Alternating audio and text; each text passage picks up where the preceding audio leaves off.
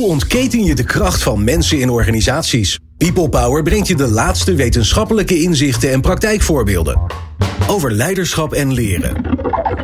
Betrokkenheid en bevlogenheid. Inzetbaarheid en inclusie. Omdat mensen het verschil maken in jouw organisatie. People Power met Glenn van der Burg. Education is the most powerful weapon which you can use to change the world. Zo sprak Nelson Mandela ooit. Het was een van de uitgangspunten voor de ontwikkeling van het Zuid-Afrika van na de apartheid. Maar als leren en doorleren zo essentieel is voor de ontwikkeling van mensen, maatschappijen en de mensheid, dan hebben we nog wel heel veel leraren nodig. In Nederland is er al een tekort, maar wereldwijd is het probleem nog veel groter. Hoe zorgen we voor goed onderwijs voor iedereen met de technologie van de toekomst? Tom Bos werkt al zijn hele carrière op het snijvlak van technologie en leren. Hij is medeoprichter van en, en CEO trouwens van Skillstown Groep. En hij is auteur van zijn kakelverse boek De Ouderwetse Toekomst van Opleiden. En vandaag praat ik met Tom over zijn boek. Fijn dat je luistert. People Power met Glenn van den Burg. Tom, gefeliciteerd. Dankjewel. Je hebt een boek geschreven. Ja, dat is toch wel een ding. Het was, uh, ja, het was een heel ding, ja. Ik ben ook echt blij dat het achter de rug is, om eerlijk te zijn hoor. Het was ja, best werk. Dat laatste gedeelte, ja, ik, wil, ik, uh, ik ben enigszins ervaringsdeskundig. Dat ja, laatste gedeelte is een, echt, echt een leidensweg, toch? Ja. Moet je er weer doorheen en nog een keer. Ja. ja, dan heb je al lang genoeg van jezelf. Of tenminste, ik dan. Hè. Dus dan denk ik, ja, dat... Ja, je, bent dan, je denkt dan dat je klaar bent en dan mag je er nog vier of vijf keer doorheen en er wat van vinden en ja. checken. En... Ik dacht dus dat ik in april, eigenlijk 14 april, de dag voor de geboorte van mijn, uh, van mijn tweede zoon, dat ik uh, de laatste woorden wel op papier had gezet. En dat was mijn doel, zo van dan heb ik uh, alle tekst staan, want daarna zou ik wel niet zoveel tijd meer hebben om, om eraan te werken. Maar dat, ja, dat viel dus een beetje tegen, want het, het ja. is nu echt pas klaar ook. Dus ik heb tussen die tijd ook echt nog heel vaak eraan moeten werken. Ja. Je hebt een fascinatie voor, voor leren. Je hebt ook een fascinatie voor alles wat technologie en online is. Maar, ja. maar in de basis wel leren. Want je kan ook met die technologie al alle, allerlei andere kanten op. Tuurlijk. Wat, wat is dat zo? Wat, wat, wat fascineert je zo aan dat leren? Ja, het zit een beetje denk ik in die uitspraak die je net deed van uh, Nelson Mandela. Hoor. Dat, ja, niet, niet zo zwaar. Maar meer ook dat ik best jong al dacht. Hey, dat als je goed kan leren, zeg maar, dan kan je, dan kan je denk ik alles. En, okay, een soort superkracht. Ja, ja, dat is denk ik wel de, de, de meest moderne superkracht eigenlijk, toch? Als je gewoon goed kan leren, dan, uh, dan kom je overal doorheen. Ik zag leren en studeren dan wel weer net als iets anders natuurlijk, zeg maar. Daar minder uh, talentvol denk ik voor, maar wel ja, je, je snel dingen eigen maken of, uh, of ja, dat. Wat is leren voor jou? Persoonlijk? Dus hoe, hoe, hoe leer jij? Wat, wat, wat, ja, hoe, hoe leerde je ook zeg maar als als jong mens en dacht je, hé, hey, dit is leuk? Ja, dan had je misschien mijn moeder moeten uitnodigen of zo. Hè? Maar, ja. Ja, ik, uh, nou, ze is aan de lijn. Nee hoor. zou wel gezellig zijn. Hè? Ja. Maar die zou denk ik zeggen met vallen en opstaan. Omdat ik best wel een, um, een fysiek kind volgens mij altijd was. Zeg maar veel buiten en ja, veel, veel op pad, veel de horten op de boom in. En weet ik niet wat allemaal, skaten en, en dat soort dingen. Dus ja, dat was letterlijk denk ik heel veel met vallen en opstaan. Mm. Uh, waardoor ik veel leerde. En dat is eigenlijk nog steeds wel zo hoor. Ja? Dat, uh, ja, ja, ja, dat is ook wel de, een van de dingen die, die ik belangrijk vond. Dat is het laatste waar je aan begonnen bent? Dat je dacht, oh, dat, dat ben ik wel benieuwd of je dat ook kan. Om te gaan leren. Ja? Nou, het laatste, daar weet ik zo niet. Misschien kom ik er zo wel op. Maar een van de meest recente, wat grotere dingen was dat ik dacht, dat het leek me wel leuk om te proberen om Chinees te leren. Tuurlijk. Ja, en dat, nou ja, dat was dan vooral omdat ik de, daar echt geen enkele kennis van heb of zo. Zeg maar dat ik dacht, nou, ik ben wel benieuwd. Dat is dan ook wel beroepsdeformatie. Dan ben ik benieuwd of die middelen werken, zeg maar. Dan ga ja, kijken ja, van, uh, je hebt van die uh, online tools waarmee je dan uh, alle talen kan leren. Nou, zijn ze, als ik nou eens zeg, ik committeer me drie, vier maanden, in mijn geval vier maanden aan Chinees leren. Waar sta ik dan ergens? Wat kan ik dan? En dan moet ik echt mijn best doen. Hè? Dus dan heb ik motivatie en, en ik heb er zin in. En dan is dan alle randvoorwaarden zijn best wel goed. Ja. Nou, wat kan ik er dan uithalen? En dat, is, dat, dat was Chinees. Hoe ver ben je gekomen? Ja, dat weet ik niet zo goed hoe je dat moet aanduiden. Maar voor je gevoel gewoon. Want je had zelf een, ja. ook een idee, denk ik. Denk je van, Jawel, nou, ja. Het wordt kansloos, maar ik ga het toch proberen. Of juist, nou, Nee, precies. Ja, ik had. Ik dacht, er zijn twee mogelijkheden, zeg maar. Eén is gewoon dat ik na een week stop, omdat ik gewoon helemaal lost ben. Ja. ja dat is wat er ook vaak mis is met heel veel leermiddelen. Dat de complexiteit zo snel toeneemt dat je, dat je afhaakt. Hè, dat je te moeilijk vindt en dan dus stopt. Nou, en, ehm, en ja, in mijn geval kwam ik wel wat verder dan ik verwacht had. Dus de, de tweede mogelijkheid is dat je dan best wel een serieuze stap zet en gewoon wel uh, op straat uh, hallo en doe je een fatsoenlijk gesprek kan uh, in, in hele simpele termen kan hebben. Hè, om wat eten kan vragen en, en dat soort dingen. Dus ja, daar ja. had ik wel het idee, daar kom ik wel mee. Ja, daar nou kom ik wel mee weg. Ja. ja daar heb ik toch drie, drie jaar op de haven Frans voor nodig gehad om een croissant te kunnen bestellen. Dus ja. op zich vind ik dat helemaal niet gek in vier maanden in het Chinees. Nee, dat hoeft dus niet meer. En ik denk ook dat jij misschien een andere motivatie had om dat Frans te doorstaan. Ja, ja dat is heel... ik heb echt zin om die croissant te kunnen bestellen. Nou, nee, dat niet. Maar later werd ik wel, had, ik kreeg iets meer motivatie toen, uh, toen de Franse meisjes interessant begonnen te worden. Oh ja. En toen, ja. toen, op dat moment dacht ik toch, had ik toch maar beter opgelet. Maar ja, toen was ik te laat. Achteraf, ja, precies. Hey, um, we praten over leren en, en, en uh, uh, opleiden en onderwijzen. Er zijn allerlei verschillende woorden voor. Ontwikkelen is natuurlijk ook weer zo'n zo'n mooie. Um, alsof alsof we allemaal snappen wat het is. Ja. Help ons daar eens bij. Dus wat is leren Zo. überhaupt? Ja, uh, nou, de, misschien als je het gewoon heel praktisch bekijkt, zeg maar, dan kom je op de, op de biologie natuurlijk terecht, zeg maar, van hoe werkt dat in je hoofd en, uh, en wat, is, uh, ja, wat is leren? Is dus zeg maar het verkrijgen van nieuwe vaardigheden en, en ja, nieuwe, nieuwe skills eigenlijk, zeg maar, om, om, om iets mee te gaan doen. Ja. En uh, ja, hoe dat werkt in je hoofd is best. Maar je zegt al, hè, va vaardigheden is weer wat anders dan kennis. Ja, ja want je kunt ook kennis opdoen waar je uiteindelijk niets of nauwelijks iets mee doet. Ja, precies. Dus daar zit wel ook een interpretatie van mij in hoor. Dat ik, ik denk, ja, leren heeft pas zin als je er iets mee kan. Oké. Okay. Uh, kennis, uh, als je, uh, hoe heet dat, veel triviant speelt, dus zo is natuurlijk, is dat hartstikke fijn. Of pubquizzes of dat soort dingen. Dus dan heeft het een duidelijk doel. Ja. Dan zou je, ja, dan, misschien is het allemaal een vaardigheid. Maar ja, ik heb zelf altijd wel zoiets van, je leert iets om er vervolgens iets mee te gaan doen, zeg maar. En vaak mist er dan bij kennis nog een klein stukje, namelijk het kunnen toepassen. Of de, de, de hm. vertaling naar je werk of, of je, je privé of wat je er ook mee gaat doen. En dus kan heel veel weten over Chinees, maar het spreken is de vaardigheid. Dus ja, ja. Het, ja, dan weet ik alle woordjes wel, maar als ik ze niet kan uitspreken of niet kan toepassen in een zin of dat soort dingen, dan heb je er eigenlijk natuurlijk niks aan. Behalve dat je misschien als je op straat loopt een woord herkent. Ja. Of zo. Maar ja, dat. Uh, ja. Dus jij zegt, het belangrijkste is dat het bijdraagt aan een, een nieuwe vaardigheid of het verbeteren van je vaardigheid om dingen te kunnen doen. Ja, ja, ja, precies. Ja, daar mag iedereen natuurlijk zijn eigen beeld van hebben. Maar dat is wel in ieder geval uh, wat ik, ik vind het belangrijk dat, uh, dat dingen waarde opleveren. Zeg ja. maar, dus dat je verder komt. Het is wel grappig natuurlijk ja? dat, dat zeg maar in het begin van onze. Uh, nou, dat is niet helemaal waar. Volgens mij leren we als kind door, door heel veel te doen. En daar, daar leer je vaardigheden. Je leert lopen, je leert Precies. praten, je leert sociaal met mensen omgaan. Je leert heel veel dingen. Ja. Dan ga je naar school en dan leer je best wel veel dingen ook gewoon die kennis zijn. Ja. Die je soms toepast, maar lang niet altijd. Niet. Kijk naar taalonderwijs. Is natuurlijk heel veel op, op dingen goed doen. En niet zozeer op Klopt. Goed schrijven of goed kunnen praten. Zeker niet Ja. goed kunnen praten. Ja, precies. Ja, je, je moet wel opletten daarmee dat met taal en rekenen bijvoorbeeld, dat die fundamenteel ook op inzicht bijvoorbeeld veel invloed hebben. Hè? Dus, uh, dus vaak ook wel kritiek natuurlijk op dat, uh, de, het rekenen. Hè? Dan zeggen we in de moderne, te, uh, moderne tijd zeggen we, je hebt toch een rekenmachine, dus waarom zou je nog moeten kunnen rekenen? Maar ja, daar is toch best wel duidelijk van dat rekenen voor jouw fundamentele logische denken bijvoorbeeld best een invloed heeft. Hè? Dus het vak is rekenen, maar daarmee ontwikkel je ook jouw Hmm. kwaliteit in, in logisch nadenken, uh, redeneren, uh, causale verbanden, dat soort dingen die ook gewoon in, in relaties met mensen belangrijk zijn. Inschatten. Wat is Ja. groot, wat is klein. Ja. Precies, dat is niet 0 en 1, maar dat is wel uh, een basale vaardigheid die daarachter zit, die je daarmee aanleert. Nou zou je ook kunnen zeggen van leer dan gewoon die basale vaardigheid aan in plaats van rekenen. Dat, ja. In dus, plaats uh, van uh, x kwadraat plus enzovoort. ja, ja. dat zou ook best kunnen. Maar ja, dat, um, daar kan in het onderwijs denk ik nog wel Ja. wat mee gebeuren. Maar je moet niet zo snel zijn, ook met taal, uh, om dat af te schrijven. Zo van die vakken hebben we niet meer nodig, want iedereen communiceert toch, zeg maar, Ja. met spelfouten en op zijn manier die hij zelf uh, prettig vindt. Ja. Ja. Nou ja, waar ik naartoe wilde is dat je natuurlijk in, in het... Um... Ik zit toch niet je bruggetje in de weg? Hè? Nee hoor, maar. Pak hem gewoon weer terug. dat is altijd mijn uitdaging om te zorgen dat we nog, Ja, dat we nog in de lijn ergens ja, zitten. ja. ja. Maar ehm, en Nee, kijk, op het moment dat je natuurlijk gaat uh, leren in het werk of uh, voor het werk, dan ja. wordt, het weer, wordt het weer wel heel erg gericht op iets wat je kan toepassen, wat nut heeft. Ja.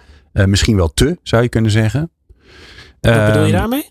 Nou, um, voor mij is dat wel een beetje aan het veranderen, maar heel vaak is het zo dat, dat natuurlijk mensen getraind en opgeleid worden om beter te worden in hun vak. En niet zozeer om beter te worden als mens of vaardigheden te leren die inderdaad een soort van basis vormen waardoor je weer een nieuw stapje kan zetten. Ja. Uh, maar ze zijn best wel ja, functioneel. Ja, precies. Ja. Ja, dus je hebt uh, met dat, ja, ik ga dat zo meteen niet meer zeggen, want er staat natuurlijk een hoop in mijn boek van wat ik denk ik vandaag aanstip. Maar ook dit staat met een redelijk duidelijk voorbeeld van wat, er is een groot verschil tussen hoe wij vroeger dingen aanleerden en uh, nu, door de, komst van de technologie. En één belangrijke verschil met hoe het vroeger was, vroeger werd veel geleerd in de meester-gezelverhouding.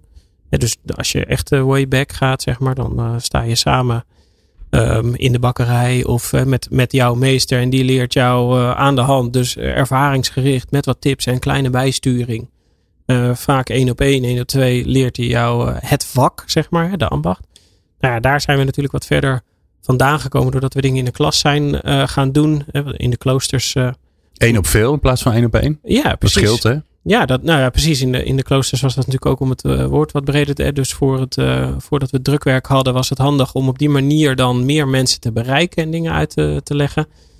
Ja, en dan heb je meteen het probleem dat die, die plek waar, waar die overdracht plaatsvindt, is niet de werkplek. Dus er moet een. je haalt het uit de context eigenlijk. Ja, precies. En die context moet je dus later weer aanbrengen. En in, in het vak noemen ze dat de transfer of training, hè, de, de overgang van naar de praktijk. Dus uh, die vertaling weer terugmaken en het ook werkelijk toepassen van wat je geleerd hebt in de klas eigenlijk. Nou, met dat dat gat uh, ontstaan is, heb je een, heb je, heb je zeg maar een, uh, een vertaling nodig naar de uh, naar je werkpraktijk. En dat, ja, dat is best een beperkende factor. Nou, daar komen we misschien zo wel op, maar met technologie kun je daar natuurlijk wel weer wat, uh, wat van dat gat gaan invullen. Maar het is wel, ja, het is wel echt uh, goed om je bewust te zijn van dat daar dus een enorm verschil zit en een vertaling gemaakt moet gaan worden. Ja. Ja, ja want dat is natuurlijk het mooie aan de titel van jouw boek. Hè? de ouderwetse toekomst van opleiden. Ja. Dus blijkbaar was er iets vroeger ja. was er heel goed. Ja. Want anders zet je dat er niet in. Klopt. Maar iets wat, we, wat wel gaat veranderen. Wat is dan datgene wat we, wat we weer terug moeten krijgen of wat we moeten gaan behouden? Nou, het opleiden, eh, zeg maar, dat is kort samengevat zou dat zijn opleiden als ambacht. Dus het verhaal is voor mij heel simpel. We zijn, uh, eerst leerden we mensen gewoon dus hele praktische vaardigheden aan. Daar zijn we wat verder van afgedreven. Waardoor het wat meer kennis, wat meer conceptueel Waardoor je die, eh, die hele context eigenlijk vaak mist en je dus weer moet uh, terugvertalen. Nou, dat, eh, dat heeft als, uh, als bijkomend voordeel dat er een hoop bereik bij komt. Hè, dat je op grotere schaal dingen kan leren. Dat is ook keihard nodig. helemaal gezien de richting de toekomst. Hè, onze vakgebieden zo snel vernieuwen, moeten we steeds sneller nieuwe kennis opdoen. Dus is er eigenlijk een veel grotere noodzaak om op grotere schaal te gaan leren. En dan moet je dus hè, nog grotere klassen, of nou eigenlijk dus uh, kan je alleen maar nog veel meer online gaan doen. Maar dan is het uh, in mijn beeld van de wereld ontzettend belangrijk dat we dus kijken of we die, uh, die uitgangspunten van de meester-gezelverhouding en de hoge kwaliteit, de ambacht van het opleiden met aandacht voor jou persoonlijk, dat we dat terug weten te hm. brengen in het opleiden. En nu is het vaak zo dat we ergens gestrand zijn sinds COVID in ieder geval. Hè, dat heeft een mooie bijdrage aan de acceptatie voor online leren geleverd. Maar het heeft er ook voor gezorgd dat de hele markt vol spoelt natuurlijk met allerlei oplossingen. Omdat het gewoon niet anders kon. Mm Alle scholen zijn online les gaan geven. En um, nou, we zien nu de effecten op de examens daarvan. Hè. De resultaten zijn um, niet mis. En de stressniveaus bij studenten van of ze wel klaar zijn en zo zijn ook niet mis. Ja. Dus daar ja, zijn we een hele hoop kwaliteit verloren eigenlijk die we in de klas wel hadden. Die, die zeker weten ook gewoon online kunnen. Maar nu hebben we eigenlijk een soort suboptimale oplossing. We kunnen op wat grotere schaal dingen doen. Alleen tegen een veel lagere kwaliteit. En dat is, uh, dat is ontzettend zonde. Ja. Die andere wereld, hè? Dus, dus de wereld van het leren fascineert je. Maar die, die online wereld ja. Uh, waarbij volgens mij we onszelf dan alweer te veel beperken. Maar zeg maar de technologische ontwikkeling en wat dat voor leren kan betekenen, is, je, is je andere fascinatie. Ja. Wat is de belofte van, dat, van het online leren? Dus wat is, ja, waarom, waarom moeten we daar naartoe? Nou ja, dat is denk ik wat ik net een klein beetje zei. Dat we uh, de leerbehoefte en de leernoodzaak voor ons als maatschappij en mensheid. Uh, ja, de komende jaren zo drastisch toeneemt als we in dit tempo zeg maar, de ontwikkelingen blijven doormaken. Dus dat, dat we niet anders kunnen dan, dan online. Zeg maar, dus als je gewoon alle docenten, trainers, coaches, begeleiders en wie dan ook in de wereld optelt, dan heb je niet genoeg mensen om te voorzien in die leerbehoeften en de leernoodzaak. Dus ja, zelfs als je zegt ze staan altijd in een klasje van 30 of 40 mensen, dan is het nog bij lange na niet genoeg. Correct. Als we die klassen naar 50 uh, opgroten en ze zijn eh, dag en nacht aan het lesgeven. Nou, we hebben nu al leraren tekorten natuurlijk. Ja, daar moeten we een aparte aflevering over maken, over de oorzaak daarvan. Maar hè, ja, dat gaat gewoon niet. Dus als we het even heel sec bekijken, dan kunnen we niet anders dan heel veel online gaan leren. Dat is natuurlijk wat anders dan de grote belofte, zeg maar. Dat is de grote noodzaak eigenlijk. Ja. Van, uh, ja. ja, als we willen faciliteren in de volgende schaal, dan zullen we dat online uh, veel groter moeten gaan adopteren. Ja. Nou, dat is uh, grotendeels in, in, in beweging gezet ook door de COVID-pandemie. Maar jij was daarvoor, al lang daarvoor was jij al bezig. Dus jij, jij zag al ja. veel eerder wat die belofte zou kunnen zijn. Hè? Want, ja. want enerzijds is het, is het een noodzaak, maar anderzijds hoor ik je ook zeggen, ja, dat klassikale, hè, wat we altijd gewend waren, dat heeft ook zijn nadeel. Want je bent namelijk totaal uit de context. Hè? Het is toch één op veel in plaats van één op één. Eigenlijk is dat één op één beter in de context. Ja, dat, nou ja, dat maakt in ieder geval. Uh, het hoeft dus niet één op één te zijn. Het kan ook uh, één machine op, uh, op heel veel mensen zijn die het persoonlijk maakt. En dus wat dat doet een, een docent uiteindelijk ook. Hè? Een goede docent differentieert in zijn les. Dus die zegt, ja. nou Glenn, jij kan die koprol best wel aardig. Uh, doe jij maar een salto. En die zegt tegen mij van nou Tom, misschien moet jij nog even met zo'n zo'n koprolkussen oefenen. En dan geef ik je een duwtje, zeg maar ja, eventjes. Ja, goed dat je dat, dat gezien hebt al. Ja, ja, ja. ja. Motorisch zie ik de verschillen. nou ja. Maar dus daar zit, daar zit wel de kwaliteit van goede docenten. Ja. En dan zeg ik het meteen, want dat doet niet elke docent. Maar, maar ja, ja dat, dat, dat, ik denk dat heel veel docenten dat kunnen. En dan, dan krijg je er altijd discussie over dan de klasgrootte. Hè? De, in, in de onderwijs ja. de klasgrootte, maar, maar ook in het, zeg maar, de, de, nou ja, de training en de opleidingen. Ja. Heb je twaalf mensen in je groep. Dan is het eigenlijk te veel om echt gedifferentieerd en echt op die ene persoon te gaan zitten. Dan blijf je toch best wel veel ook nog met de hele groep doen. Hoe komt dat volgens jou? Nou, volgens mij is dat gewoon puur uh, economy of scale. Uh, een training. Nou, een grappig voorbeeld. Wij, wij geven hier een, uh, een, een, een podcast workshop. Ja. Um, dat doen we voor, nou, soms meer, maar eigenlijk in principe maximaal acht mensen. Ja. En dat is eigenlijk te weinig om het rendabel te kunnen maken. Oh ja. En toch doen we het maar voor acht mensen. Ja. Omdat het gewoon anders niet het effect heeft wat je zou willen hebben. Het liefst zou je inderdaad één op één doen. Ja. Dat kan ook. Maar dan wordt het wat prijziger en wat intensiever. Ja. Maar, uh, maar met acht mensen is het nog prima te doen om mensen echt uh, ja, uh, die klik te laten hebben. Maar doe je het met meer, ja, dan werkt het gewoon niet meer. Ja. En ik denk dat, dat dat toch het belangrijkste is. Van ja, het is ook gewoon een businessmodel. je moet toch een training ontwikkelen. Die moet je toch gaan geven. Dat kost geld. Ja. En ja, minder is prijziger. Ja, maar dan is het dus toch gewoon de perceptie van waarde van dingen. Is zo. Als je het gewoon wil leren, dan uh, kost het dus blijkbaar iets meer. Ja, eens. Ja. ja. En dat, uh, dat maakt dus meteen, als je het dus gepersonaliseerd kan doen op een veel grotere schaal. Maar dan uh, online, dan lukt het je vaak om het gewoon economisch voordeliger aan te bieden ook. Hè? Dus dat is natuurlijk ook het verschil. Ja. En ja, ik denk richting de toekomst kan het gewoon veel preciezer gepersonaliseerd. Hè? Een docent heeft wel eens een slechte dag. En een docent kan wel of niet goed zijn in differentiëren bijvoorbeeld. Uh, ja, als je kijkt over het hele onderwijs heen, dan zie je dat differentiëren een groot aandachtspunt is. Zeg maar, is een van de twee grotere uh, punten waar, um, waar aandacht voor zou moeten zijn in de ontwikkeling van docenten. Ja, dan weet je dus al van dat gaat dus uh, relatief weinig plaatsvinden, waarschijnlijk. En ja, die docent een slechte dag heeft of een keertje ziek is of wat dan ook, dan heb je geen les of een lage kwaliteitsles. Nou, als je het online organiseert. En dan bedoel ik dus niet met diezelfde docent op een scherm, maar als je het uh, automatiseert eigenlijk, zeg maar, dan Ja. kun je het wel veel persoonlijker maken. En uh, toch, ja, je kun je wat meer op, op de huid uh, kruipen en dus ook de kwaliteit consistent houden eigenlijk. Ja, en dan hoor ik je eigenlijk zeggen, dan, dan maak je de, de, de groep aan de ene kant veel groter. Hè, want het online die online dingen, die kan je natuurlijk aan heel veel mensen aanbieden. Ja. En aan de andere kant uh, uh, kun je het dan ook de groep veel kleiner maken door die docent een rol te geven in, in het echte persoonlijke. Ja. Door echt dichtbij en een uurtje coaching of een uurtje persoonlijke begeleiding of Juist. even bellen. Of, Ja.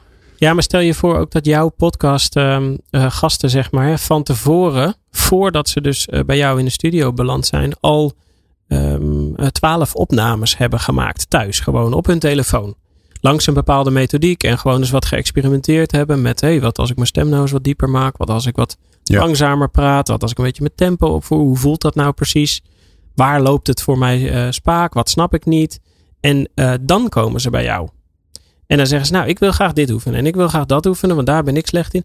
Dan heb je natuurlijk ook al een hele andere situatie. En dan kan jij ook Zeker. veel meer diepgang bieden op die Ja. acht mensen. Of misschien zeg je dan, nou, dan kan ik er wel tien hebben of twaalf. Ja. Dan kan je dus toch die grotere groep aan. Interessant. Eh, mooi bruggetje naar eh, dat online leren. Ook daar praten we over alsof we weten wat het, wat het is. Eh, ik denk dat veel mensen inderdaad voor zich zien Teams. Iemand die daar Ja. zijn training geeft zoals hij dat normaal ook deed. Alleen dan nu zit hij achter een scherm en normaal staat hij voor een klasje. Ja, precies. Ja. Dat is het dus niet. Nou ja, de, de- Of dat is het ook. Ja, precies. En online en digitaal zou je nog uit elkaar kunnen halen. Hè? Want eh, eh, of je eh, online impliceert dat er een verbinding is of zoiets, dat hoeft natuurlijk niet altijd. Hè? Op een app heb je heel vaak geen internet nodig, bijvoorbeeld als je iets aan het leren bent, omdat Ja. het gewoon al op die telefoon staat. Dus ja, meestal hebben we het voor het gemak over digitaal leren. En dat betekent dus het gebruik van, van technologische middelen om mee te, Ja. om mee te leren. En Ehm, daarbinnen heb je dan een- belangrijke doorsnede, dus bijvoorbeeld of het leren asynchroon of synchroon plaatsvindt, zeg maar. Dus, dus zijn wij samen tegelijk aan het leren, wat dus vaak is als je in teams inderdaad met een In een classroom eh, zit, ja. online.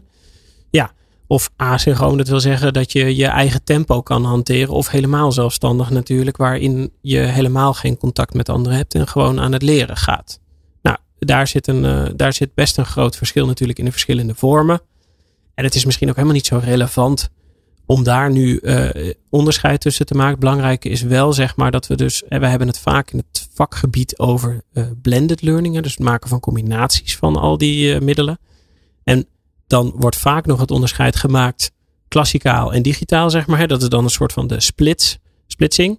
Ja, ik denk dat dat, een, eh, dat, dat eh, inmiddels ook echt arbitrair, dat, dat bestaat helemaal niet meer, zeg maar. Want ook in de klas wordt vaak eh, technologie gebruikt. Hè. Dan pak je even je, je app erbij om een paar vragen te beantwoorden. En dan eh, je huiswerk doe je vaak ergens eh, op, ehm, op een van die platforms. Ook je kinderen, hè, die leren allemaal eh, al via allerlei platforms, zeg maar. Dus het is al blended. Ja. En de belangrijkste vraag is, welke middelen zet je precies wanneer in? Dus wanneer ga je synchroon leren, wanneer ga je asynchroon leren? En op welke manier ga je dan asynchroon leren? En dan heb je ja, een beetje een onderscheid tussen formeel en informeel leren, wat misschien nog wel logisch is om eventjes te maken, zeg maar. Dus is het gefaciliteerd eigenlijk? Eh, Dan zeg ik, is er sprake van didactiek? Heeft iemand van tevoren nagedacht hoe jij van A naar B gaat? Dan zou ik spreken van formeel leren, om het eh, duidelijk te maken. En informeel, eh, dat wil zeggen van jij hebt gewoon zelfstandig een, een bepaalde behoefte of je struikelt ergens in, je praat bij Ja. de koffieautomaat en er ontstaat iets. Dat, Of eh, je, je, je, je, eh, je moet iets gaan repareren en je denkt even kijken op YouTube. Dan is het ja, informeel. eh, ja, Omdat ik van tevoren weet je niet wat mijn leerpad is. Ik, Nee, ik klooi, ik klooi een beetje aan. En, eh, Nee, precies. Ja, en YouTube is dan is een groot middel natuurlijk. Hè? Want Ja. als je dan weer zegt van nou, als jij daar opzoekt eh, lessen Chinees of zo, dan krijg je natuurlijk ook Ja, ja, gewoon als een daar een 24 officieel- ja, ja, als-. Ja, als daar een gestructureerde course op staat, dan is het weer formeel. Oké. Ja. oké. Ehm, wat interessant is, is dat het eerste hoofdstuk bij jou over online leren gaat over de zeven redenen waarom het nog niet werkt. ja. Hè? Je propageert toch dat het iets, iets heel moois is, maar, maar Ja. het, blijkbaar zoals we het nu gebruiken, Ja. is het nog, rammelt het nog aan alle kanten. En we Ja. gaan niet die, al die zeven redenen door, want dan zijn we door het uur heen. Maar ehm, eh, be- belangrijkste rode draad er doorheen? Ja, dat is natuurlijk. Ehm, eh, ik zei je dat al in de voorbereiding. Het is best moeilijk om een soort van duidelijk eh, plaatje van te schetsen. Van wat een soort van één lijn. Wat ik geprobeerd heb in het boek. Ja, het is zijn er niet voor niks zeven. Nee, dat zijn ook zeven hele andere factoren, zeg maar. Dus ze verschillen heel erg van elkaar. Maar er zijn een heel aantal redenen waarom online leren nu nog niet zo lekker werkt. En ik denk een van de redenen bijvoorbeeld die best wel eh, aan het oplossen is geraakt, is de, is de acceptatie voor technologie. Oké, ja. Dus jullie hebben allemaal als luisteraars ook ervaren van, nou, de eerste maanden dat je in COVID, dat je dan even op Teams een vergadering moest hebben met elkaar. Dus dat iedereen te clearen met het uh, geluid. En, ja, met zijn achtergrondjes. Ja. ja. precies. Nou, misschien is je inmiddels opgevallen dat uh, de meeste senior medewerkers, laat ik het maar zo noemen, ook uh, inmiddels gewoon goed de weg weten door de, door de technologie heen. Een soort van de basale set. Iedereen heeft al even een keer een online cursus gevolgd inmiddels. Daar, daar was al een grote groei gaande, maar dat is exponentieel gegroeid doordat we niet anders konden met z'n allen. Dus nou ja, daar is wel een wat beter plateau veroorzaakt, waardoor niet zeg maar uh, alles nieuw is wat je aan het doen bent. Want dat is natuurlijk het grote gevaar van dat je mhm. bezig bent met het online leren. Uh, dat niet alleen het leren zelf nieuw is en het onderwerp nieuw is, maar ook de middelen die je gebruikt. Zeg maar. Als jij gewoon heel erg gewend bent om in de klas te zitten, dan is dat gewoon ook een heel makkelijk uitgangspunt. Ja, nou, ik, ga, ik, ik, ik, ik, heb, ik heb ze er even bijgepakt. Ik heb een boek in mijn handen namelijk. Ja. Flink boek trouwens, als je dit zo voelt. Uh, de eerste is one, one, size fits all. Daar kunnen we wat uh, bij voorstellen. Het transferprobleem heeft ja. eigenlijk een beetje over gehad. We redeneren niet vanuit het doel. Ja. Uh, vind ik redelijk voor zichzelf spreken, maar eigenlijk wel shocking. Ja, dus dat, dat gebeurt echt nog wel veel hoor. Misschien om daar een paar zinnetjes over te zeggen. Dat is wel, dus dat wij, um, wij maken vaak leermiddelen. Hè. Dan zeggen we van iets met time management of zo. En dan, ja, laten we dan een time management cursus maken. Of een, een podcast training laten we. De, dus dan wat is dan het doel? Wat kan iemand aan het einde? Of wat weet iemand aan het einde? Precies gewoon heel simpel. Hè? Dat leer je als je de PABO doet en als je opleidingskunde of wat dan ook, of onderwijskunde gaat studeren, dan leer je. Ja. Zet even een paar leerdoelen neer. Die zag je ook vroeger altijd bij als je bij de baak keek of zo. En dan stond oh, ja. er een van de training stond er aan het einde van de training kun je dit. Precies. Maar daar gaat het dus om.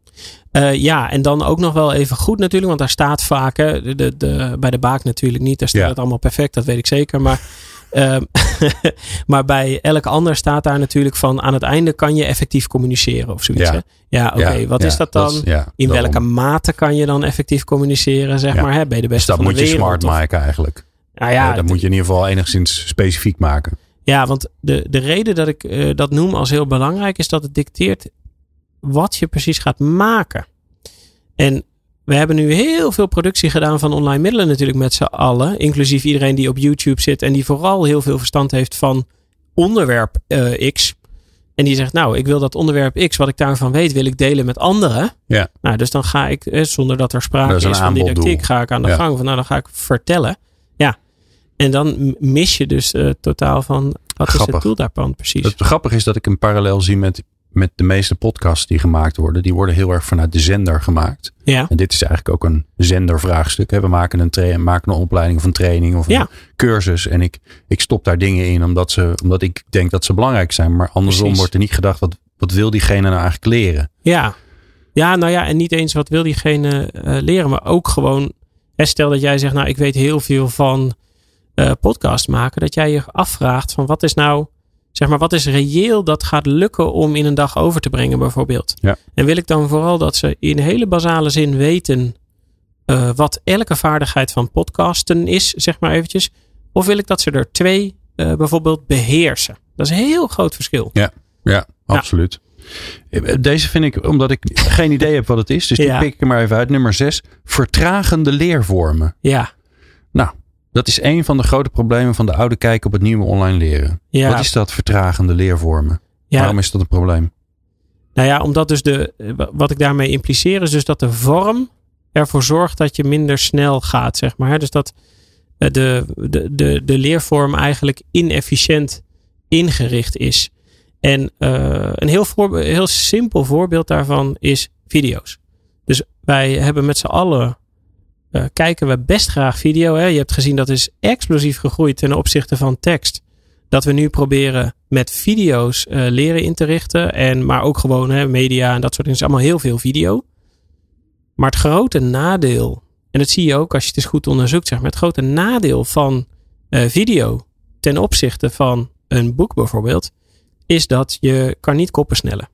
Je ja. kan niet, daarom zitten er vaak nu van die minuutjes in en zo. Ja, dat je door kan skippen. Ja. ja, je kan wel anderhalve snelheid of uh, de, dat soort dingen allemaal. Maar dan nog is dat de vorm is voor jou gedicteerd. Ja. En de, de, in principe de tendens. En je kan niet ja, explorerend leren zou je dan zeggen. Zeg maar. Het is heel erg lineair. Precies. Ja. ja. Boek in principe ook. Alleen daar kun je nog zeggen. Ja, maar dan kan je de lineariteit zien. Ja, je kan hem zien en je kan de inhoudsopgave. Je kan denken, oh, dit weet ik wel. Ik sla het even over. Ik begin achteraan. Of... Ja, precies. En in een boek heb je met kopjes aangegeven wat de belangrijke onderwerpen zijn. Dus dan kan je nog zeggen van, oké, ik pak die nog even nog een keer.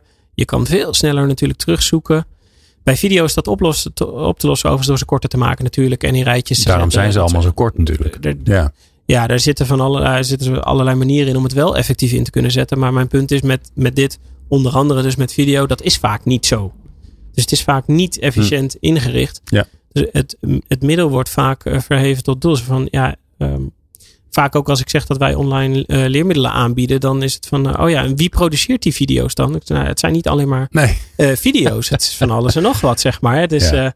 afhankelijk van wat dus bij dat doel past, kies je het middel.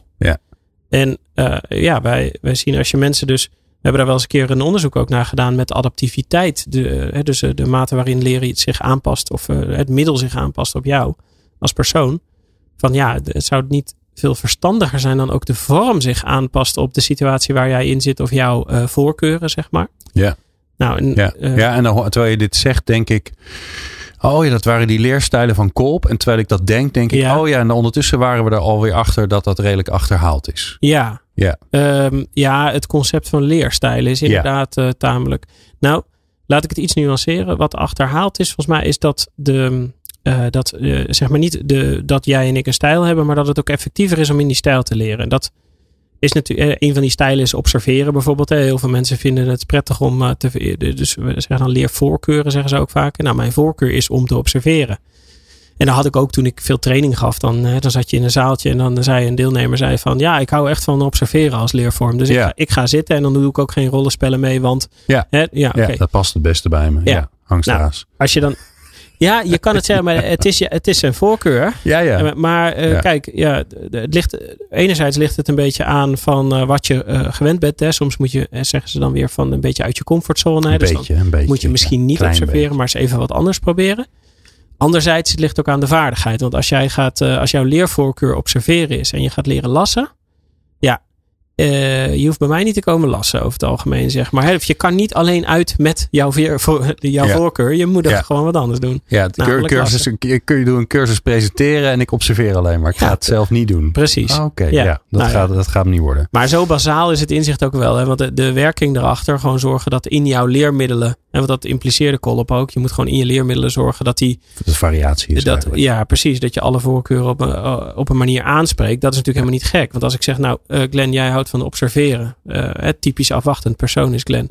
Uh, ga zitten in de hoek en ga lekker kijken. En dan ga ik jou langzaam verleiden om in beweging te komen. Kan soms best een goed idee zijn. Ja. Gewoon ja. om acceptatie te creëren. Helemaal als, het, als ik de training belangrijk vind en jij als persoon wat minder. Dan heb ik wat te overtuigen. Dus dan is het helemaal niet gek om te beginnen met waar jij je prettig ja. bij voelt. Ja. ja. Maar dat is niet per se effectiever. We gaan, uh, want je, we hebben zeven redenen. En als je ze allemaal wil weten, moet je natuurlijk even gewoon het boek uh, kopen. Um, die online te vinden is overigens. Ik zal even uh, onbeschaamd reclame maken. De ouderwetse toekomst van opleiden. Die moet ik altijd herhalen. Hebben we ook ondertussen geleerd. en dat werkt goed. Um, hoe kan je dan weer na die zeven redenen waarom het nog niet werkt zoals het zou moeten werken. Hoe kan je dan zorgen dat het wel gaat werken? Dus waar moet je. En dan kan je ook natuurlijk niet alles zeggen. Maar geef ons even een een briljant inzicht van je zegt van nou weet je als, je als je het zo aanpakt of als je dit erin stopt of als je er zo naar kijkt dan is de kans veel groter dat het wel gaat werken. Ja, nou misschien wil ik dan door op wat ik straks zei van die de keuze van jouw podcast show wat je gaat behandelen. Um, ik heb gezien dat de effectiviteit of de impact van onze leermiddelen veel groter is geworden sinds dat we ons richten op kernvaardigheden om mensen verder te helpen.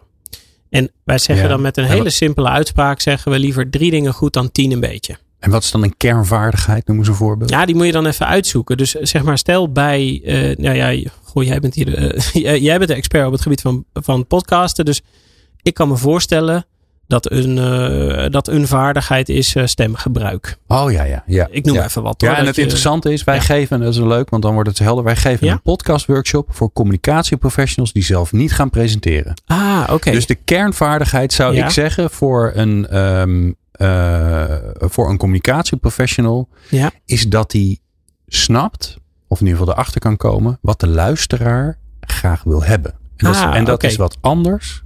Er ligt dus een hele belangrijke analogie met Ja. trainingen. Dat is wat anders dan dat je iets door de strot probeert te duwen wat je zelf belangrijk vindt. Ja, precies.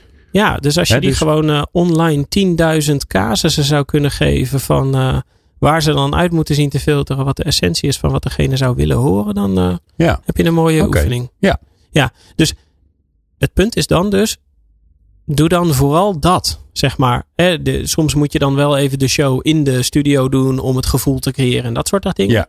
Maar zorg er dan voor dat ehm, als ze jouw sessie uitlopen, als ze jouw cursus afgemaakt hebben of wat dan ook, dat ze dat eh, kunnen. Niet dat ze weten dat het belangrijk is, hè, want dat is een soort van het meest basale eh, doel. Dat je zegt, nou, eh, het kwartje is gevallen. Dat is moeilijk trouwens hoor. Maar, maar dat je zegt, oké, maar ik heb ze dan ook laten oefenen. Ze hebben gewoon die vaardigheid van het Ja. uitvragen.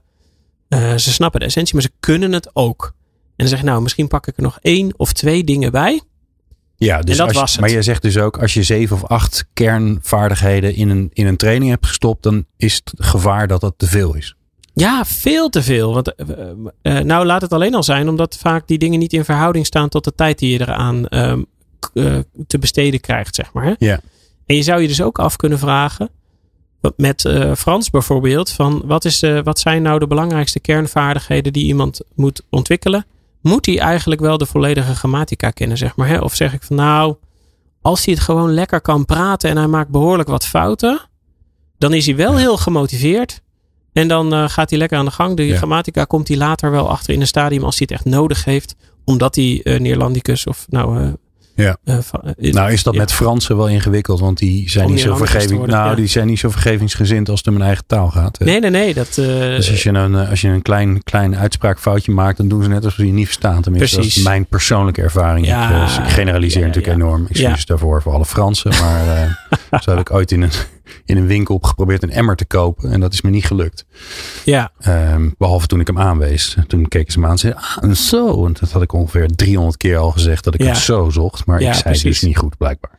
nee. Ehm, Oké, dus kernvaardigheden. Maar dat heb je toch, dat, dat heb je sowieso, is dat belangrijk. Ook als je zeg maar alles offline in de real Ja. life doet, dan is het ook belangrijk. Wat ik er dus mee zeg is dat je heel veel niet doet. Dus inderdaad, ehm, met, met, eh, dat, dat is wel een verschil tussen eh, online en offline. Maar dat gaat er vooral om dat je durft keuzes te maken. En het voor- en nadeel van online is dat je vaak geen keuzes hoeft te maken. Hè? Omdat je geen tijdsrestrictie hebt over het Ah, algemeen. Ja. Dus wat dat heel erg eh, oproept is dat je dus de ruimte neemt om gewoon dingen heel lang te laten duren. Omdat er geen soort van... eh, In een training loop je vaak uit, maar dan worden deelnemers op een gegeven moment chagrijnig. En dan zeggen ze, ja, kan je tot de conclusie eh, komen? ja, Ik dan wil, schuif je de eh, borrel op. Ja. Precies, ja, dan gaat het ten koste van borrel of uh, privé-tijd of wat dan ook. Dat is natuurlijk met online niet zo, dus daar is wat minder uh, perceptie van, uh, van tijd eigenlijk. Dus vaak ook matige inschattingen van hoe lang iets gaat duren als Hmm. jij dat online doet. En wat het vaak als effect heeft als je dan heel veel erin stopt, is dat mensen de opdrachten overslaan. Dus dat ken je misschien uh, van jezelf wel. Die zegt, oh ja, ja. Ik weet ja, het wel. Ik moet er even doorheen, want ik heb morgen die sessie daarover. En dan, dus dan moet ik even alles afmaken. Dus dan doe ik de opdrachten niet. En dan doe ik uh, wel even alle kennis. Dan weet ik in ieder geval waar het over gaat. En dan als ik bij de trainer zit, dan krijg ik er geen feedback op. Of als ik bij mijn baas zit, weet je, dan kan ik in ieder geval laten blijken dat ik het gehoord heb. Ja. ja. Maar dan kan je nog niks. Dus dan heb je er eigenlijk helemaal niets aan gehad. Dan heb je vooral jezelf eh, dwars gezeten. En dat vraagt dus iets van de ontwikkelaars. Hè? Want volgens mij, uh, zo wat slecht dat ik dat niet weet. Maar hoofdstuk 2 is volgens mij, hè, je kan het mensen niets leren. dat is niet raar hoor. dit, dit, is Ja. zo, dit is zo jou zo eigen dat Jij je niet hem- meer de, de structuur weet. Jij hebt Ja, voor- hoofdstuk ja. 2 is eh, je, je kan een mens niet, niets leren. Nee, Ja, precies. Dus- interessante uitspraak. Uh, ja, want dan gaat het dus om dat. eh, Dat leren vindt bij jou in je hoofd plaats. Hè? Dus ik kan van alles op je afsturen. Maar de, wat er beklijft, kan ik niet kiezen. Nee. Dus uh, soms is het zo dat ik heel boos word op jou of zo. En dat er iets beklijft uh, van dat ik uh, boos werd. Maar dat de essentie van de inhoud daardoor verloren is gegaan of zo. Maar bij de persoon die naast jou stond, op wie ik ook boos werd, die onthield juist de essentie. Daar. Dus dat is heel erg van, yeah. ja, wat zit er in jouw hoofd en hoe komt het aan bij jou? Dus ik kan jou niks leren. Wat ik wel kan doen, is de kwaliteit van mijn, mijn middelen of mijn boodschap zo goed mogelijk inrichten, zodat de, de, de kans groot is dat het bij jou overkomt. Ja. En ik kan je natuurlijk blootstellen aan heel veel. Jij kan ervoor kiezen om jou heel veel te vertellen over leiderschap en heel weinig over podcasten.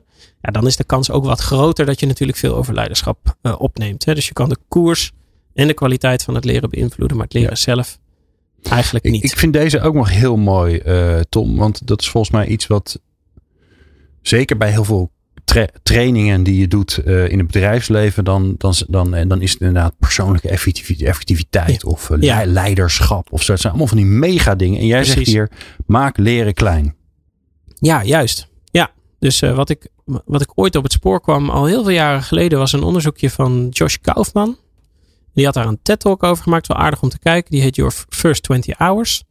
En daarin legt hij um, uit en aan de hand van ervaring, dus dat spreekt me dan meteen aan, zeg maar. Die heeft gewoon zelf ook, nou, hij heeft geen Chinees, maar iets van ukulele spelen en weet ik het wat allemaal. Okay, Heeft hij dan, uh, is hij gaan leren en dan is hij gekeken, nou, hoe, kom ver, hoe ver kom ik nou in 20 uur? En uh, het zal je verbazen, je komt in 20 uur best wel heel ver. Dus als je je eraan committeert, dan zet je een flinke stap. En um, wij denken vaak, hè, je kent natuurlijk die 10.000 uur regel, hè, je moet 10.000 uur. Ja, ja. Um, wat maar is ook alweer op teruggekomen ondertussen. Ja, maar dat hoeft helemaal niet, want het is gewoon, het is een redelijk feitelijk onderzoek. Het enige wat is dat het een beetje verkeerd geïnterpreteerd wordt, denk ik. Gladwell heeft dat opgeschreven in, in Outliers. Um, de conclusie was, uh, nou doe ik het even uit mijn hoofd hoor, maar zoiets van de, de ijshockeyers in Canada. Daarvan is het zo dat uh, bijna iedereen, of vrijwel iedereen, die in de top van het veld presteert, 10.000 uur heeft gestoken in ijshockeyles of zeg maar in ja. trainen. Ja, dus je moet gewoon heel veel trainen. Dat was de conclusie. Als je, precies, als jij in de top van je veld wil komen, dan zou het best wel logisch zijn dat je er misschien 10.000 uur in moet steken. Nou, uh, Josh Kaufman zegt natuurlijk uh, de andere kant. Nou, als we kijken naar topsport, dan zie je dat ook vaker. Er zit een, een, uh, een, een curve, volgens mij noem je dat een logaritme, is een omgekeerde curve eigenlijk, omgekeerde exponentieel. Dus ja. eerst leer je heel snel heel veel basale grote dingen bij je. Als je de eerste keer gaat ijshockeyen, dan leer je op die schaatsen staan. En weet ik het, nou, dat zijn grote opbrengsten. En die opbrengsten worden over tijd steeds kleiner.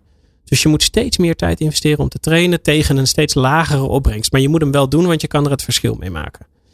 En uh, mijn punt is hier met maak leren klein. Wij vergissen ons heel vaak in hoeveel je dan precies moet gaan doen. Dus um, hoeveel je nodig hebt. Dus stel time management, stel communicatie of wat dan ook. Jij wil niet de top of a competitive field worden. Jij wil niet de beste time manager van de wereld worden. Nee. Sterker nog, dat, dat, ik denk dat weinig mensen dat willen worden. Dat heeft niet een doel op zich. Uh, de meeste mensen die zeggen, als ik prioriteiten en doelen kan stellen, dan neemt mijn stress met 80% af en dan ben ik best wel heel erg geholpen. Ja. Dus ook, maar heeft dat dan ook met je succeservaringen te maken? ik merk dat zelf. Ik ben meer druk met de gitaar, eh, mezelf weer wat beter gitaar oh, leren spelen bezig. En ik ben al drie keer aan uh, Little Wing van, uh, van Hendrix begonnen. En ik merk dan gewoon dat het, dat het me niet lukt. En dan, um, dan helpt het om, om iets anders te pakken. Ja. Wat iets makkelijker is. Ja. En dan over een tijd, eh, zeg maar over een jaar of over twee jaar, als ik dan weer aan Little Wick begin van, uh, van Hendrix, ja. dan lukt het me waarschijnlijk wel. Maar het is voor mijn gevoel, zo, is het gewoon nu nog te vroeg. En dan ben ik mijn eigen frustratie aan het organiseren. Ja, precies. Ja. Dus in die zin, uh, zo interpreteerde ik hem ook een beetje in dat klein maken. Van ja. als je een stapje zet en je denkt, wauw, het lukt. Dan kan je een volgend stapje zetten. En als die stap te groot is, ja. Dan, ja, dan denk je, ja, nee, ik kan het zien, maar kan het niet. Of, ja. of de lol gaat weg. Precies. Ja, en jij bent dus een behoorlijke autodidact, zeg maar. Dus jij, jij merkt dat je die aanpassing moet maken. Maar als bij heel veel mensen juist dan dus, wat ik aan het begin zei, ook uh, dat, bij dat Chinese voorbeeld, dat die dus dan stoppen. Ja, dan is de motivatie gewoon weg. Juist. En je hebt daar, um, je hebt daar best een aardige theorie over. Misschien ken je dat concept van flow van Csikszentmihalyi, die uh, man met die hele ingewikkelde ja, naam. Mihaly Csikszentmihalyi. Csikszentmihalyi, ja, ja, niet schrijven, hè? Ja, ja precies. Ja, en er is um, uh, een, een dame die heeft een onderzoek binnen uh, gaming gedaan, zeg maar, op basis daarvan. Chen heet ze geloof ik van de achternaam. En zij heeft, uh, zij heeft een soort flow methodiek getekend voor, voor games die, die wij ook op leren vaak toepassen. Omdat die volgens mij gewoon glashelder werkt. En die zegt zeg maar, flow, je moet het een beetje zien als, zo'n, als een grafiek met twee assen. Flow loopt schuin omhoog, zeg maar. En dus de, de, de as omhoog is complexiteit en de as naar rechts is tijd. Dus tijd en complexiteit moeten geleidelijk aan toenemen. Of ja, tijd is dan dus de investeringstijd eigenlijk, zeg maar. Die moeten geleidelijk aan uh, toenemen, dan zit je in een flow. Op het moment dat uh, de tijd uh, of zeg maar de complexiteit sneller toeneemt dan de tijd, dan heb je dus wat jij zegt, dan haak je af omdat het te moeilijk wordt. Ja, dat je geen succeservaring meer hebt eigenlijk. Precies. Van, hey, het is allemaal aan het lukken. Ja, dus dan krijg je frustratie en je kan het toch niet en dan, dan stop je ermee. Ja. Dus dat is level 33 bij Mario of zo. Dat je denkt, nou weet je, ik hou ermee op. Dit lukt me gewoon niet. Juist. Ja, of level 3 terwijl je nog niet zo goed bent. Dus zeg maar, het ligt, het ligt aan jouw vaardigheid wanneer dat moment bereikt. Dus, dus daar zit iets voor, de, voor degene die dat pad heeft uitgetekend. En ja, in de toekomst ook voor technologie. Om dus te zien, hey, Glenn zit op zo'n punt, dus ik moet. Ja, ja. Eigenlijk, eigenlijk moet de technologie dan zorgen dat hij dat het een beetje simpeler maakt. Dat is wat in hey, ik heb een, ik heb een hulp, uh, hulplijntje voor je. Of, uh... Ja, dat is letterlijk wat er in games gebeurt natuurlijk. Dan komt er even de beloning even wat eerder. En dan uh, dat ja. spel past zich aan om te zorgen dat jij aangehaakt blijft. Nou ja, wij hebben zoiets van, ja, als je dat met games kan doen om commerciële belangen en zo, hè, dan kun je dat ook voor leren doen met een veel beter belang eigenlijk. Zou je zeggen, ja. Ja. De andere kant van de curve is verveling. dus als het te lang duurt voordat het moeilijk wordt, dan ga jij je ook vervelen. Dan denk je, ja, dit liedje dat ken ik nou wel. Dan komt er weer eenzelfde liedje. dus dat zou een, een, variatie op dat liedje die je ook al wel kan. Denk ja, dit basale vaardigheid, deze beheers ik nu wel. Dus dan raak ik ook afgehaakt. Ja. Dus er zit best wat, um, ja, hoe zeg je dat? Uh, subtiliteit in zorgen dat mensen in zo'n flow kunnen komen. Mhm. En je kan het voor jezelf organiseren. Dus dat is ook het hele punt wat ik net zei, van je kan een mensen iets leren. Er is een verschil tussen leren en onderwijzen. Hè? Ik ga jou iets proberen te leren en jij wil jezelf iets leren. Daar is een, daar is een verschil. Mhm. En uh, beide partijen die hebben daar een rol in te zorgen dat jij in die flow blijft hangen eigenlijk. En zorgen dat jij dus uh, als een raket vooruit gaat. En die, um, die uitdaging zit hem er natuurlijk in dat die flow voor iedereen anders, anders is. is. Ja, ja, ja. ja. Laatste waar ik met jou naartoe wil, dat is nogal een onderwerp, dus we gaan hem alleen maar aanstippen. De rest staat overigens, dat is het leuke natuurlijk als je een boek schrijft, hè, dan kun je altijd verwijzen voor, voor de rest wat in het boek staat. We gaan even naar de toekomst. Um, want um, leren en opleiden, dat dat is nodig omdat wij uh, dingen nog niet kunnen. En omdat je uh, nou, via je, je zintuigen, via uh, je handen, je ogen, je oren, ja. Via de, de kennis, de data die je opslurpt, probeer je op ergens in, in je brein vast te leggen. Je probeert door handelingen te, uit te voeren, probeer je iets tactiel te maken en te zorgen dat je denkt: hé, hey, wacht even, ik kan dit nu ondertussen. Ja. Maar jij hebt een hoofdstuk dat heet van opleiden naar, op, naar uploaden. Oftewel, komt er ooit een moment dat je gewoon à la de Matrix aan een computer gaat hangen en daarna kun je uh, kung fu. Eh, zo was het volgens mij bij uh, ja, de Matrix. En kan je met alle wapens, nou ja, laten we het positiever zijn, uh, kun je ineens allerlei, kan je ineens prachtig zingen of zo. Dat zou toch fantastisch zijn. Ja, en de kans dat dat gaat gebeuren is best wel groot.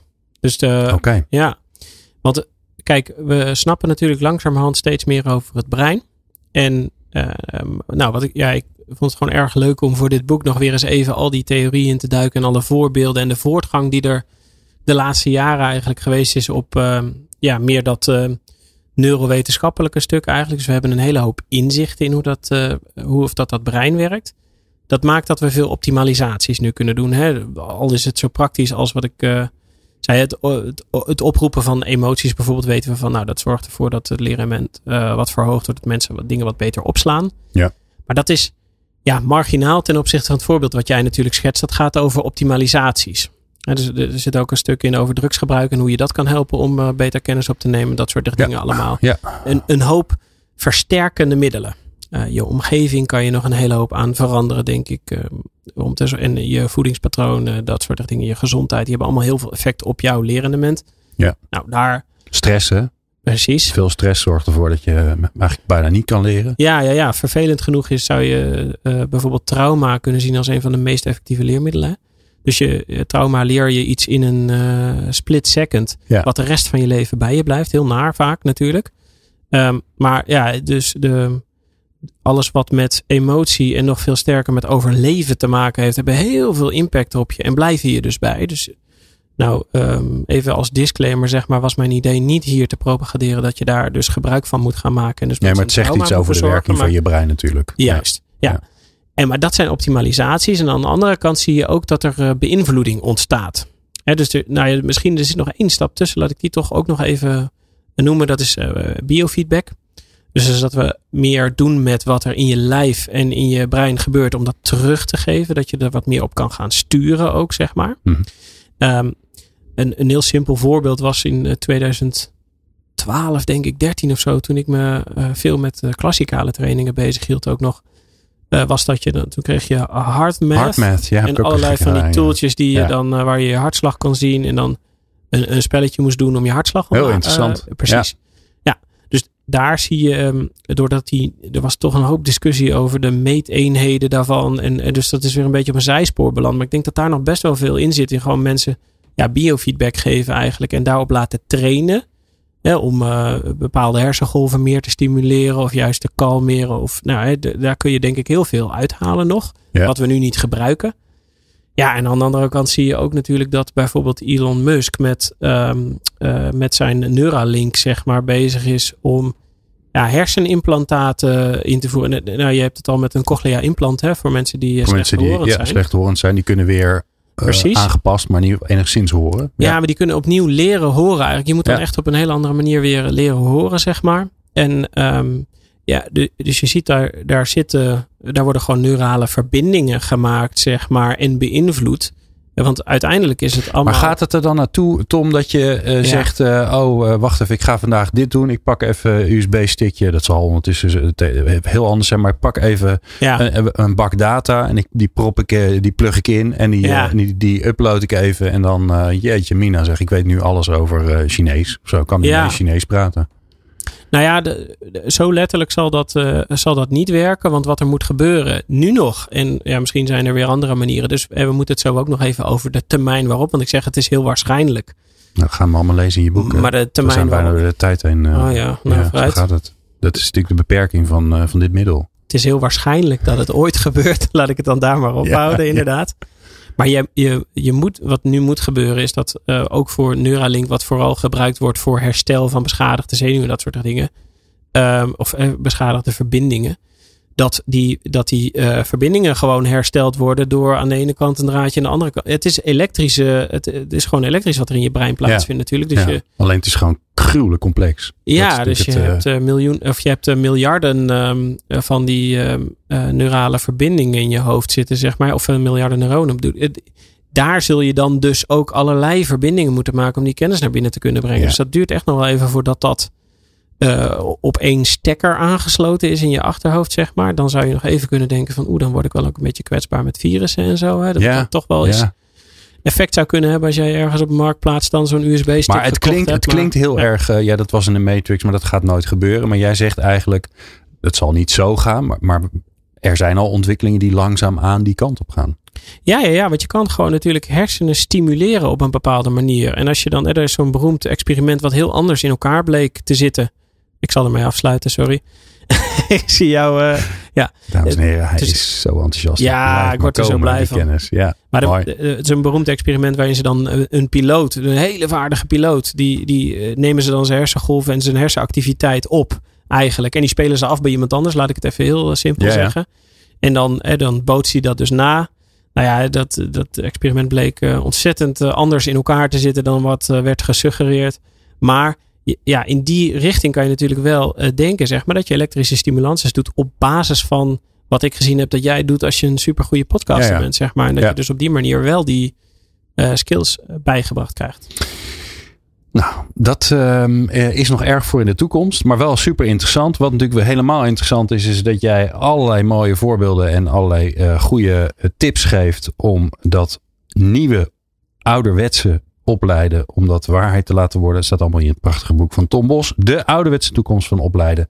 Verkrijgbaar in iedere betere online boekwinkel. En gewoon een boekwinkel helemaal als je die wil stimuleren. Ik zou het wel doen. Tom, dankjewel. Bijzonder leuk uh, dat je wilde komen praten over je boek. Uh, je bent hier vaker natuurlijk, maar nu een heel uur. Heel leuk. Alleen maar in de schijnwerpers. Het is super leuk om je zo enthousiast te zien. En nou, dat is ook zeker terug te vinden in je boek. Dus dankjewel. Dankjewel. En jij dankjewel natuurlijk voor het luisteren. Meer luisteren? Ga naar peoplepower.radio en abonneer je op onze podcast.